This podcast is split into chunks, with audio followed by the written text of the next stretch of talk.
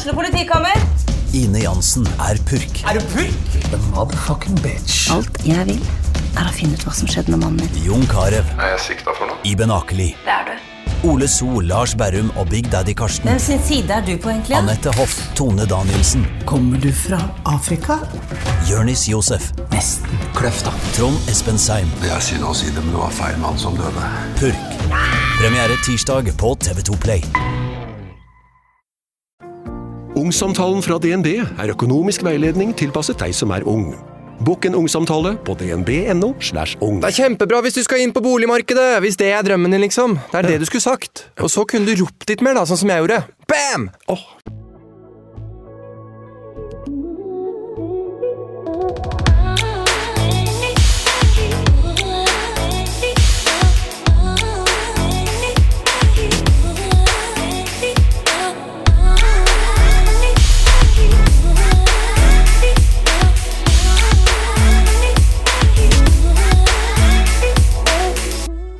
beskjeden om at min mor hadde fått kreft for eh, rett over syv år siden, den kom egentlig som et slag i trynet.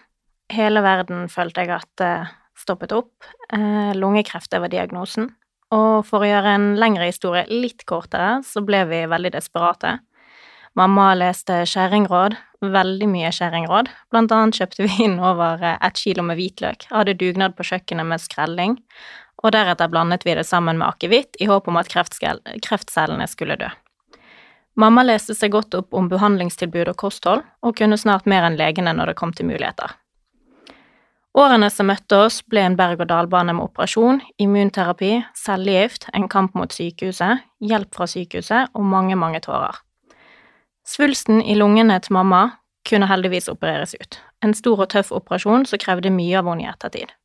Men for mamma var det enda noe som ikke stemte, og jeg husker vi satt på kontoret til legen på sykehuset hvor hun tryglet og ba om en MR av hodet. Jeg kjente at jeg bare, ja, seig ned i stolen og ble flauere og flauere, men jeg husker hun sa, vær så snill, bare ta et bilde av hodet mitt, det er kontrollrommet mitt. Legen sa motvillig ja etter en stund, men hun fikk vente til over jul og nyttår. Resultatet kom omsider og viste det hun fryktet. Spredning til lillehjernen. Faen. Samtidig som dette pågikk, hadde mamma via sin helseforsikring fått en karistest av lungesvulsten som kunne fortelle om hva eksakt type mutasjon hun hadde, for å kunne gi persontilpasset behandling. Dette gjøres per dags dato ikke i Norge, og det dekkes heller ikke av det offentlige. Det er altså nemlig slik at kreft ikke bare er kreft, sånn jeg trodde før jeg hadde et forhold til det. Det fins en haug av forskjellige mutasjoner, men i Norge behandler vi etter protokoll. Testresultatene kom tilbake, og mamma tok de med til legen. På Haukeland har de cellegift og immunterapien som har vist seg å ha effekt på hundens mutasjon, men hun fikk den ikke. Begrunnelsen var at det ikke var nødvendig. En second opinion mente at dette kunne være bra, heldigvis. I nærmere to år var det pendling til og fra Stavanger for å få medisin privat, med hjelp av helseforsikring og egne sparepenger. Dette fordi de kunne hjelpe mot svulsten i hodet og eventuelle rester av svulsten i lungen. Hver fjerde uke var det flyreise til Stavanger, dobbeldose immunterapi og en påfølgende hjemreise.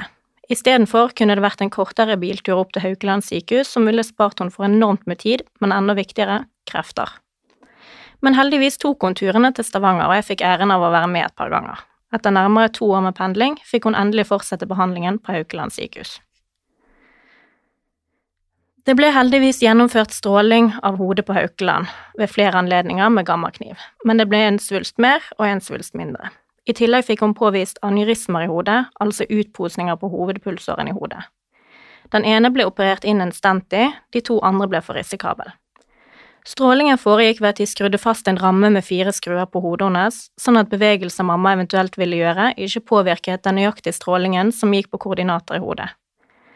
Jeg kjenner jeg er skikkelig imponert av henne og alt hun gikk igjennom, men hun sa det er nok verst for de som står og ser på, for sånn var mamma, alltid positiv og klar for å ta kampen. I månedsskiftet mai-juni 2021 valgte vi i samråd med legen å pause cellegiften. Vi trodde hun viste bivirkninger av cellegiften, og hun var i mye smerter, spesielt i ledd. Hun gledet seg derfor til sommeren og håpte på mange turer til hytten. Hun var klar over at dette kunne forkorte levetiden hennes, men håpte inderlig at hun kunne få leve litt igjen og slippe smerter. Sånn ble det dessverre ikke når smertene ble mer intens. Hun fikk problemer med det ene øyet og kramper i kroppen. Det var ufattelig vondt å sitte helt på sidelinjen og se hvor hun kjempet seg gjennom hver dag. Til tross for sterke medisiner hadde hun fremdeles sterke smerter. Legene forsøkte å finne ut hva det kunne skyldes, tok flere MR, flere CT, ryggmargsprøve flere ganger, hun besøkte øyelege, nevrolog, ja, det meste. I november fant de ut at det var spredning til ryggmargsøylen og tykktarmen. Beskjeden kom dagen etter jeg hadde sneket med meg hunden vår opp på sykehuset og inn til mamma. De to hadde nemlig et helt spesielt bånd, og, hadde og hadde ikke sett hverandre på lang tid på grunn av to måneders sykehusopphold for mamma.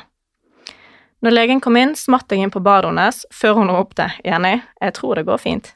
Legen lovet å ikke sladre til sykepleierne. Så kom nyheten om spredning og at det var fare for at dette ble vår siste jul sammen. Hun ble raskt satt på cellegift igjen, og jeg var med henne når hun skulle ta kuren. En koselig dag hvor vi pratet, ga gode klemmer og forsøkte å kose oss. Ettersom jeg jobbet offshore, ventet det en ny tur på meg, og mamma med sitt gode mot sa at dette skulle gå så fint. Hun ville ikke gi opp. Vi skulle facetime så ofte jeg ville når jeg var på jobb. Onsdag 10. november besøker jeg henne og får en god ha det-klem og god tur på jobb. Den klemmen vil jeg aldri glemme, og han var så god. Torsdag 11. november tekster vi når jeg sitter på heliporten klar for utreise. Når jeg kom på jobb, så svarer ikke mamma lenger. Jeg ringte til avdelingen hun lå på fredag 12. november og spurte hva som foregikk. Jeg fikk til svar at hun lå i sterke smerter. Videre spurte jeg om det var behov for at jeg reiste hjem, men fikk nei til svar. Jeg ringte igjen både lørdag og søndag. Mandag fikk jeg snakket med henne i telefonen igjen, og hun forklarte at helgen hadde vært jævlig. Delirium, har du hørt om det, Jenny? Nei, hva er det? Hun forklarte at det var noe som skjedde i hodet, og det kunne ha sammenheng med kreften, kostholdet og… ja, kostholdet fremover var veldig viktig. Men hvorfor googlet jeg ikke delirium? Delirium er en akutt forvirringstilstand som oftest oppstår hos eldre, skrøpelige eller ved alvorlig sykdom, eller ved livets siste fase. For mamma gjaldt sistnevnte. Delirium gjør at de er veldig forvirret og kan gjerne tro at de er andre plasser enn de egentlig er. Noen ganger kjenner ikke de de rundt seg igjen. Mamma kom seg ut av delirium og ble overflyttet til Sunniva-avdeling på Haraldsplass diakonale sykehus, noen så frem til. Sunniva-avdelingen er eksperter på smertelindring og gir lindrende behandling for best mulig livskvalitet for pasienter med alvorlig sykdom og deres pårørende. Jeg husker en av de meldingene som jeg fikk av henne hun sendte bilder av frokost, og hun var verdens mest positive menneske. Planen den var å få riktig smertelindring og få tilrettelagt hva behov hun hadde for å kunne komme hjem til seg sjøl igjen. Relativt kort tid etter havnet mamma i delirium igjen, men denne gangen fikk jeg kontakt med henne, og jeg er fremdeles på jobb. Hun hørtes akkurat ut som før når jeg pratet med henne på telefonen, sett bort ifra at hun hadde en del bekymringer angående oppholdet sitt på Sunniva. Det tok tid før jeg skjønte at noe var galt, og det var først når min bror fortalte meg hva delirium faktisk var, og hvordan det påvirket henne, at jeg forsto det. Jeg husker at jeg var på vei ut fra lunsj på jobb, sto i garderoben klar for å ta på kjeledressen før jeg knakk sammen på gulvet. Det nærmeste heldigvis hjemreise, og jeg fikk bite tennene sammen og holde ut den siste tiden. Dagene var tunge, og tårene trillet hver kveld. Jeg fikk snakke mye med personalet på Sunniva på telefon, og de hadde alltid tid tid til å besvare mine spørsmål, forklare, lytte og prate. Men å ikke få se mamma eller høre mamma rope Jenny, Jenny i bakgrunnen, det var hjerteskjærende. Omsider kom hjemreisedagen, og for første gang for lenge fikk jeg så… Nei, der må jeg begynne på nytt. Omsider kom hjemreisedagen. For første gang på lenge fikk jeg ikke sove på helikopteret. Jeg skyndte meg ut av ankomsthallen og bort i bilen til min bror, som sto klar for å hente. Neste stopp sykehuset. Det var utrolig godt å få se henne. Hei, lille skatt. En god klem. Men så lurte hun på hva i alle dager jeg gjorde der. Men vi hadde jo snakket sammen tidligere på dagen når jeg hadde sagt at jeg skulle komme hjem. Samtidig som mamma var der, var hun der ikke. Det kom noen øyeblikk der jeg måtte gå ut av rommet fordi jeg ikke klarte. Det var ufattelig vondt å se henne sånn. Fredag 26. november hadde vi møte med legen. Han svarte utfyllende på alle våre spørsmål, og kunne fortelle at spredningen var bitte små korn av kreft i hele sentralnervesystemet. Cellegiften fungerte ikke, og vi spurte legen hvor lenge vi kunne ha igjen, i verste fall. Legen svarte at det er ingen garanti, men per nå kunne det se ut til at i verste fall så var det snakk om en måned. Jeg dro til henne hver dag gjennom helgen, noen dager tyngre enn andre. Jeg satt på sengekanten den ene dagen, og det virket som at hun fikk et litt klart øyeblikk. Så begynte tårene nok en gang å trille. Fine mammaen min, jeg kan ikke miste deg, tenkte jeg. Hvorfor gråter du? spurte hun. Så sa jeg det at dette går jo ikke så bra, mamma. Jeg vet ikke om du har fått det med deg, men den spredningen vi trodde var til ryggmargen, er istedenfor hele sentralnervesystemet ditt. Det går ikke så bra. Det ville hun ikke prate noe om, og så forsvant hun litt igjen.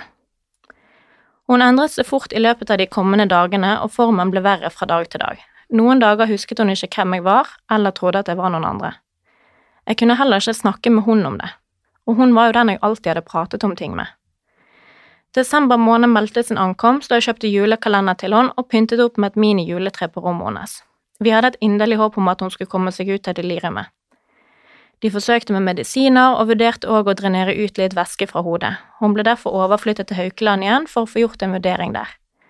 Når legen hennes fra lungeavdelingen kom opp og så hvor dårlig han var, og lite til stede, ble det besluttet at det kunne gjøre vondt verre. Vi ville la mamma hvile.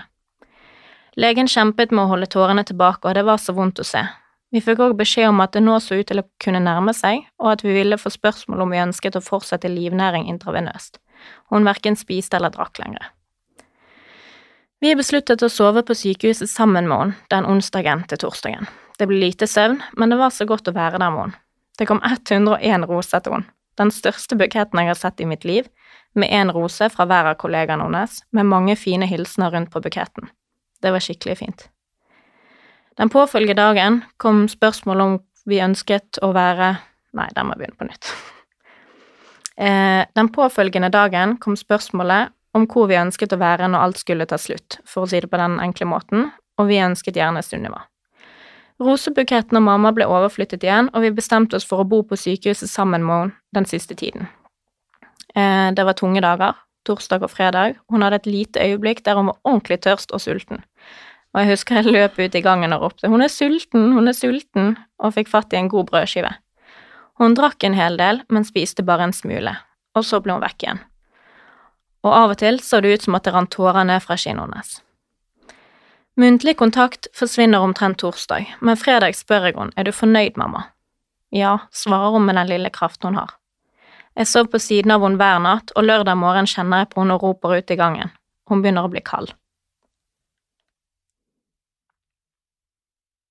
Pause. Hadde du papir?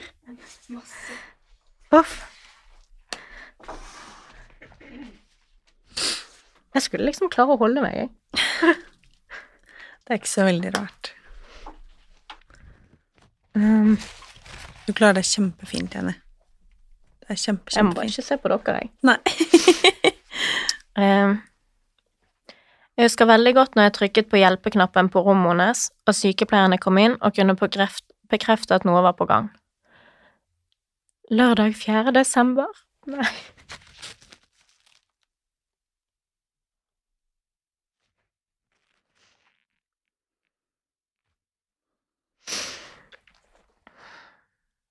Nei. Ok, litt vann og en ny snus, så kommer det seg. Null stress. Jeg er mektig imponert over at du hele tatt får det til. Så det her er ikke noe å bekymre seg for. Ja, for dette var den lille delen jeg ikke leste i sted. Bare, ja, men da er jo resten knall. ja, det er kjempe, kjempefint. Bare pust med magen. Vi har god tid, som sagt.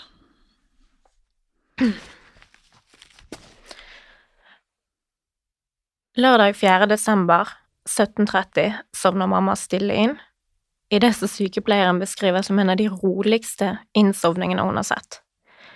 Jeg husker jeg holdt hånden min på brystet hennes og kjente hjertet bli svakere og svakere frem til det sluttet å slå. Og jeg forstår ennå ikke at hun er borte. Jeg drømmer om henne, jeg har lyst til å ringe henne, og jeg ville bare ha en god mammaklem.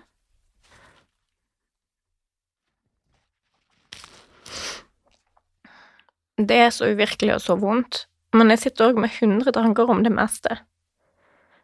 Jeg trodde jeg hadde spurt tydelig om hva man kunne se etter når ting nærmet seg, og jeg lurte alltid på hvordan døden så ut, men aldri ble jeg presentert for delirium.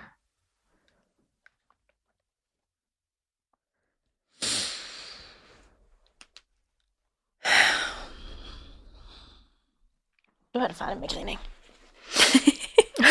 Ikke jeg.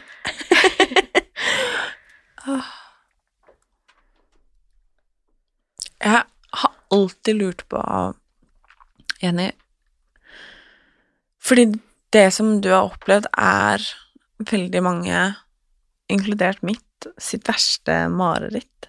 Mm. Det er liksom noe som ikke Det skal ikke skje, bare. Nei. Det skal ikke skje.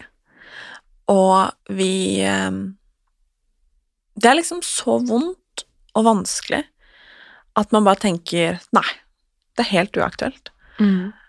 Og når man ikke på en måte har opplevd det, eller står i det selv, så virker det helt umulig. Og så fjernt. Og jeg har tenkt på det flere ganger, og jeg tenker på det når jeg sitter og hører på deg nå, hvilken sinnssyk styrke som finnes i oss mennesker, som man ikke på en måte forstår. For jeg sitter jo egentlig og lurer på hvordan i alle dager du kan sitte rakrygga her og ha liksom Ha den styrken i deg som du har. Fordi det du forteller om, er så sinnssykt vondt og vanskelig. Det var jo tanken min sjøl. Eh, og jeg hørte på en måte om en sånn smell som alle sammen gikk på etter at de opplevde noe tungt i livet, og jeg tenkte bare ok, den smellen skal ikke jeg gå på.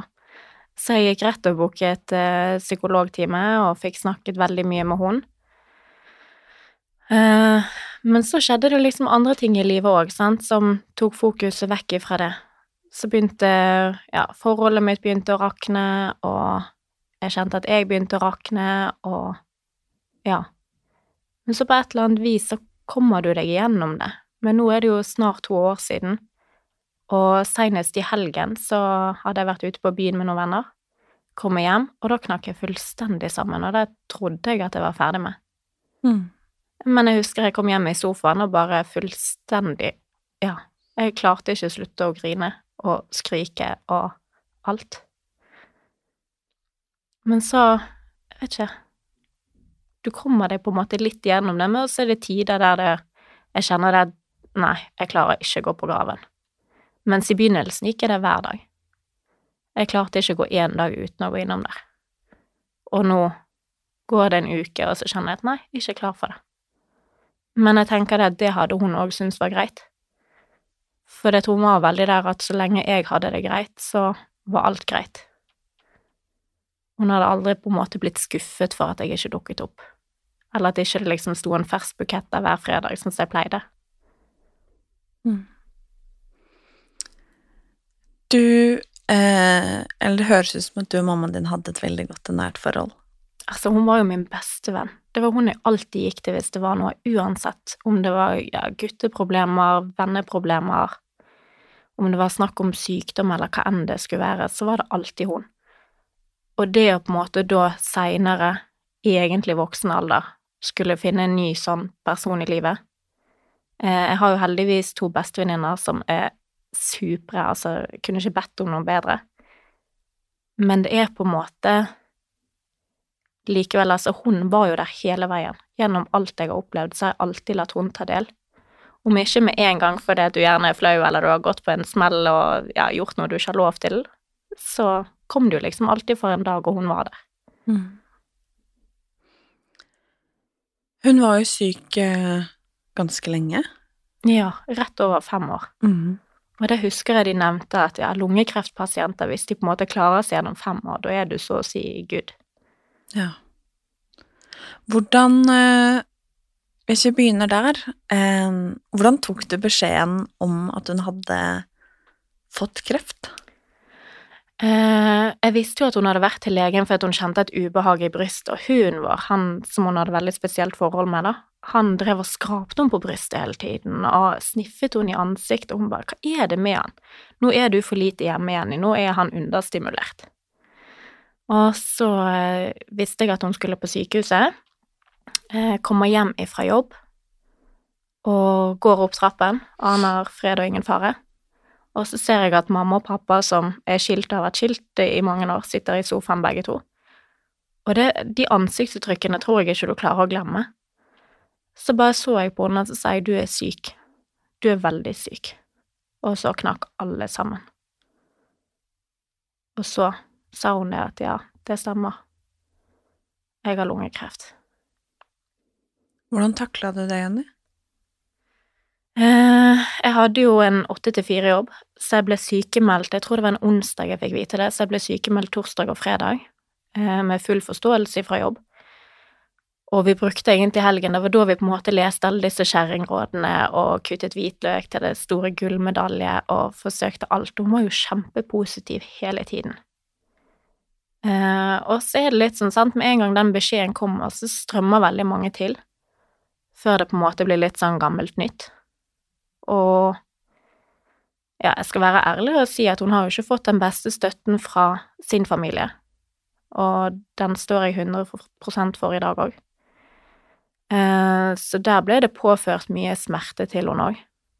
Og ja, i og med at jeg bodde hjemme på den tiden, så var det veldig mye for meg å ta inn over seg. Så jeg kuttet ut veldig mye sosialt bare for å kunne være hjemme og være til stede, være med på sykehuset, og egentlig bare prøve å være den støttespilleren for hun, og ja, vi var hverandre sine beste venner. Mm. Um, fem år er jo en lang tid. Mm. Det er mye man skal gjennom på fem år. Altså, herregud, når jeg tenker på mine siste fem år, altså alt som har skjedd. Ja. Um, og det er også liksom mange merkedager, da, alt fra liksom men, jul, nyttår, bursdager, påske, altså sånne uh, ja, merkesdager som på mange måter uh, betyr litt ekstra, da. Mm. Eller tar litt ekstra plass. Um, når var det du begynte å bli redd for at dette ble den siste bursdagen, dette ble den siste jula? Tenkte du noen gang den tanken? Vi tenkte på det. Jeg husker at hun dro jo det opp av og til. Eh, for at jeg liker ja, blant annet ikke å feire min egen bursdag. Så sa hun ja, men kan ikke du liksom gjøre det for min del? Og, men jeg tror på en måte at de gangene hun nevnte ja, men hva om det blir den siste? Så gikk det litt inn det ene øret og ut det andre. Altså jeg var litt i fornektelse for den biten der. Egentlig. Mm. Så jeg tror ikke jeg begynte å skjønne det før Ja, før vi var på sykehuset, og i løpet av de åtte dagene. Og da kom det jo ganske brått. Mm. For hun døde jo i eh, desember. Mm. Eh, hvordan ble den jula? Veldig rar. For de siste julene hadde jo jeg egentlig feiret kun med hun. Eh, og det var forskjellige grunner til. Så nå skal jeg plutselig være hos pappa. Vi hadde jo en koselig jul, og det var fint og alt det der. Men det var veldig rart. Det var på en måte Altså, det, det er sånne små, ubetydelige ting egentlig, men som at ikke det lå en pakke under det juletreet som var til Jenny fra mamma. Og samme med bursdagen min, så dagen før julaften, sant. Da var det sånn Hun ville alltid gjøre stor stas på det, og bare kjente hvorfor har jeg ikke latt henne liksom slippe til tidligere? At jeg ikke bryr meg, kan jeg jo klare å legge til side. Hvis det gir hun noe, så er jo det alt som betyr noe, egentlig. Mm. Hva har vært det vanskeligste? Det å ikke ha noen å snakke med til enhver tid. Og det å, ja, ikke få de der klemmene, de rådene. Vi snakket jo i telefonen flere ganger til dagen. Så det å på en måte miste den personen i livet, det har nok vært det tøffeste. Mm. Uten tvil. Det er jo dessverre mange som opplever eh, at en de er veldig, veldig glad i, blir alvorlig syk. Mm. Um, noen overlever, uh, altfor mange gjør ikke det. Mm. Um, hvordan opplevde du um, de andre rundt deg, venner, kollegaer osv., og, så videre, og støtteapparat, altså alt fra liksom helsevesenet og etc. Um, hvordan opplevde du støtten, eh, kommunikasjonen, kunnskapen og oppfølgingen av deg, deg som datter, liksom? Litt både òg. På Sunniva fikk vi tilbud om å komme inn til en sånn eh, samtale i etterkant, da. Men ja, både meg og min bror var liksom så opptatt og Jeg vet ikke, nesten glemte det litt, eller sånn. Eh, og ja, altså, mine to bestevenninner og min far og min bror har jo vært suverene oppi det hele. Men så er det litt sånn, sant, idet det skjer, så er det veldig mange meldinger. Veldig mye blomster. Jeg holdt jo på å spy av blomster etter hvert, for å være ærlig. Um, Men sant, det er jo veldig hyggelig at folk tenker på det. Eh, og både meg og min bror gikk i sånn autopilot fram til eh, bisettelsen. Sant? Da var det mye som skulle ordnes. Heldig, altså, hun hadde jo planlagt sin egen begravelse, da. Så hun har nok skjønt hva vei det har gått lenge før oss. Og det, var, sant, det sier litt om hvordan hun var. Hun, var. hun ville ikke at vi skulle sitte igjen og, og tenke på hva hadde mamma likt. For der visste hun at der var vi, begge to. Så hun hadde valgt ut stein og alt mulig, og gitt beskjed om, til oss om det, da. Eh, og ville til og med skrive sin egen dødsannonse, men da var han eh, agenten sagt at du, hei, den må du nesten etterlate til dine barn. Eh, men så er det sånn etter den bisettelsen, da er det på en måte igjen, som jeg sier, litt sånn gammelt nytt, og det er da ting på en måte begynner å falle litt på plass for de som står oppi det, da. Eh, men sant, jeg oppsøkte jo psykolog på egen hånd, og syntes at det var helt topp. Eh, men der fikk jeg jo gjennom eh, forsikring på jobb, da. Så utenom det så har det vel ikke vært så mye. Vi fikk en blomst fra kirken når det var gått et år. Og ja. Det var egentlig det. Det er så sinnssykt brutalt, og jeg kan liksom ikke forestille meg hvordan å gå fra å leve et, et vanlig liv, på en måte, med familien sin og liksom gjøre de vanlige tingene, gå på jobb, ikke sant, disse greiene her, til å plutselig få livet snudd opp på hodet, og på mm. fem år miste det mennesket som kanskje står deg nærmest. Mm. Um, og så plutselig, fra en dag til en annen, så skal du bare sånn, ok, fortsett å leve livet ditt, liksom. Altså, det gikk jo lang tid der jeg fortsatte å sende noen meldinger, og jeg prøvde å ringe henne. Sant? Og da var det sånn mobilabonnenten har slått av telefonen, bla, bla, bla. Eh, og så syns jeg ikke det gikk lang tid, jeg tror det gikk et halvt år. Så begynte det å ringe, liksom, og jeg så at meldingene begynte å bli levert. Jeg bare nei, stakkar vedkommende som har fått seg ny telefon og nytt nummer, og nå blir pepret med meldinger fra meg. Så da begynte jeg å slutte med det igjen. Eh, men den òg var sånn her tung å kjenne på, for det var en sånn liten god ting for meg å gjøre. Fortsette å sende meldinger og holde de samtalene som vi hadde pleid å ha. Så den Ja, jeg syns det gikk litt fort. Mm. Det skjønner jeg. Men av og til så tror jeg det kan være greit òg. Og så er det jo den òg eh, at eh, selv om jeg på en måte ikke fikk de siste samtalene med henne, så fikk jeg den siste tiden med henne, og det er det jeg på en måte tror jeg prøver å hvile meg litt på nå, at hun kunne ha dødd i en bilulykke, og vi kunne ha kranglet om morgenen. Så det at vi på en måte kunne, kalle det skille lag, da, med bare godt blod og Ja, jeg fikk på en måte sagt de tingene jeg ville si til henne for det hørselen er jo det siste som forsvinner. Så det ga, sa de jo til oss òg, at uh, det er det siste som forsvinner, så vær litt obs på hva dere sier. Men vit at hun hører dere. Og det, det merket vi òg på sykehuset da jeg lå og holdt i hånden hennes og jeg var lei meg. Sant? Så jeg liksom de tårene trille bak her, du er her. Og når hun egentlig var kjempesvak Jeg har aldri hatt noen klemme hånden min så hardt før som det som hun gjorde. Og hun bare klemte og klemte og klemte, og tårene trillet. Og da skjønte jeg liksom det at ok, selv om øynene er lukket, og selv om du ikke sier noe, så er du her. Og du hører oss, i hvert fall. Mm. Og så samtidig, så når vi var på sykehuset, så fikk jo både meg og min bror veldig god oppfølging på avdelingen. Og vi fikk ha veldig mange gode samtaler, meg og han imellom, men med hjelp av en på en måte profesjonell, da, som fikk oss til å ja, si ting vi kanskje ellers ikke hadde sagt til hverandre. Mm. Og det hjalp veldig på. Hvor viktig har den relasjonen dere mellom vært, både underveis, men også i etterkant? Vi er veldig dårlige. eh, det er egentlig når vi drikker sammen at både meg og han åpner oss litt opp. Så jeg tror han nesten skyr meg litt på byen, for da vet han at åh, skal hun komme nå? Men eh, Så meg og han, vi snakker ikke noe særlig om det. Eh, det er sånn av og til skulle jeg ønske at det kanskje var annerledes, samtidig som at så lenge han har det bra, så har jeg det bra, og jeg vet at skulle det være noe, så er han en telefonsamtale under.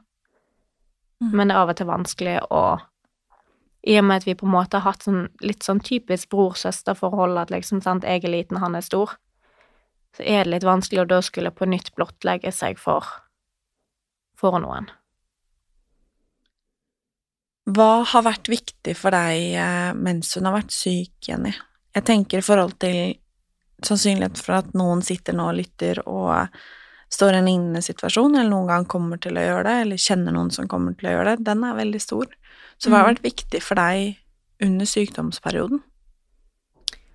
Å gjøre det som jeg har lyst til å gjøre, men klare å sette meg sjøl til sidesorg. Altså, et døgn har 24 timer, og det er ting jeg har tenkt på i ettertid. Si at jeg er ute og har det gøy åtte timer på dagen. Jeg sover åtte timer. Så har jeg fremdeles åtte timer der jeg kan prøve å være så god støttespiller for hun som mulig, da. Men jeg vet at jeg til tider kunne være kjempefrustrert og nesten sint og lei meg. For det at du fikk liksom kreft og serverte frokost, middag og kvelds. Og det var på en måte åh, skal vi snakke om det igjen? Åh, ja, men jeg er så lei av å høre liksom om at du har vondt, eller jeg er lei av å høre om ditt og datt. Men hun levde jo med det 24 timer i døgnet. Så hvorfor kunne ikke jeg på en måte klart å sette av de timene til å på en måte svelge noen kameler og Selv om jeg har hørt det før, hva så hører jeg igjen og kommer med et svar som gir litt mer respekt enn det som jeg føler jeg alltid klarte å gi, da. For det var på en måte vanskelig å For det var veldig fornektelse på hele greien, og jeg var der at Nei, men du skal jo bli frisk. Det er jo ikke dette her vi ser på. Så ja. Å klare å svelge litt flere kameler og på en måte være der. Men det gjelder egentlig alle relasjoner som jeg har. Jeg har lyst til å være mer til stede for folk. Og klare å liksom sette deg sjøl litt mer til side, for det at Ja, du vet aldri hvor lenge du har noen. Jeg blir litt fristet til å spørre deg da, Jenny, i og med at du har så lyst til å være til stede for, eh, for relasjonene dine. Mm. Hvor til stede er du for deg selv? For det slår meg at du ikke Du er ikke ikke til stede for relasjonene dine fordi at du er så til stede for deg selv. Nei, altså Jeg vet at jeg har lett for å glemme meg sjøl. Og når noen spør liksom hvordan går det, så er det alltid fint. Men det er de gangene når folk begynner å spørre mer. Ofte så klarer jeg å snakke det vekk, og jeg er veldig dårlig på å åpne meg skikkelig opp. Så noen sier jo til meg 'hvordan klarer du å snakke så enkelt om dette?' her?» Det er fordi jeg setter opp en liten sånn mur, og så går jeg heller hjem alene etterpå, og så slipper det ut for meg sjøl, og så var det det. Så jeg kunne nok sikkert vært flinkere til å tenke over ting for meg sjøl og inkludere andre i det. Hva har vært viktig i etterkant, etter at hun gikk bort? Det er vanskelig å si. Eh, men det er jo på en måte å føle meg trygg i de omgivelsene jeg er i. Og jeg vet ikke, med tanke på alt som skjedde i ettertid, så har jeg veldig vanskeligheter for å slippe folk inn på meg. Fordi at jeg fikk høre at jeg var vanskelig å være rundt av han jeg var samboer med på den tiden. Og den tror jeg stakk veldig dypt. Eh, fordi at grunnen for at det var vanskelig å ha med å gjøre, var fordi at jeg stirret liksom tomt ut i luften. Og da hadde det gjerne vært greit med et spørsmål istedenfor hva tenker du på, går det bra med deg? Mm. Men når du på en måte får høre at du er vanskelig å være rundt hvis du er stille, da blir det til at da vil du velge å ikke være stille, men heller snakke om helt andre ting, bare for å kunne være lettere å ha med å gjøre. Hvordan har du det i dag? Det går veldig opp og ned. I sommer har jeg klart å holde meg veldig opptatt. Eh, gjøre mye nye ting. Ting som jeg og hun snakket om, fallskjermhopping, sånne ting. Så jeg har bare distrahert meg. Men jeg kjenner jo det at når jeg sitter, eller når jeg da kommer hjem i min egen leilighet, og er alene igjen, så er det akkurat som at Jeg vet ikke, det er veldig mye som innhenter meg igjen. Så der sitter jeg fremdeles og tenker hva skal jeg gjøre med det? Hvordan skal jeg løse det? For det at når jeg kommer til psykologen, så har jeg gjerne tenkt veldig mye på hva jeg har tenkt å si. Men så detter det på en måte bare ut, for jeg tenker ja, men det er ikke så viktig. Jeg er veldig der at men det er så mange som har det verre. At dette her, det er piece of cake i forhold til hva andre strir med. Vet du hva jeg pleier å si? Nei. At eh, om du er én meter under vann, og en annen er 100 meter under vann, så drukner dere begge to. Ja. Uavhengig av hvor langt det er til toppen. Det er et godt poeng. Og eh, det er eh, Du har lov til å ha det sånn som du har det, selv om noen andre har det verre. Det er alltid noen som har det verre. Ja. Men eh, da kan jeg si til deg at eh, Det høres kanskje rart ut, men jeg er jævlig glad for at det du opplever, og det du står i, at jeg ikke gjør det. Så jeg har full respekt og forståelse for at du syns dette er, er skikkelig, skikkelig vanskelig. For det er jo ikke noe fasitsvar på det heller. Sant? Alle på en måte Jeg trodde jo at jeg håndterte det ganske bra. Og så tenkte jeg i sommer at ja, men livet mitt er jo så fantastisk bra. Men det er jo kun fordi at du distraherer deg. Men altså, det er litt sånn som jeg tenker da. Hvordan, hvordan i helvete skal man håndtere det der bra? Det går ikke. Det er ikke noe fasitsvar Det Det er akkurat dette her, liksom. Altså, det er sånn Skal man få en diplom, da, fordi at man ikke gråter, eksempel, eller at man ikke er lei seg? Selvfølgelig er du lei deg. Ja. Altså, det er jo det, noe av det verste man kan gå gjennom. Mm. Og det er litt sånn Det er ingen som kommer og gir deg en diplom. Hei, kjempebra takla. Dritbra jobba, liksom. Det skjer jo ikke. Nei, jeg tror det viktigste er å la seg sjøl føle på de tingene man føler. Men jeg er veldig flink til å gi de rådene til andre, og veldig dårlig på å motta de sjøl. Det er rart med det.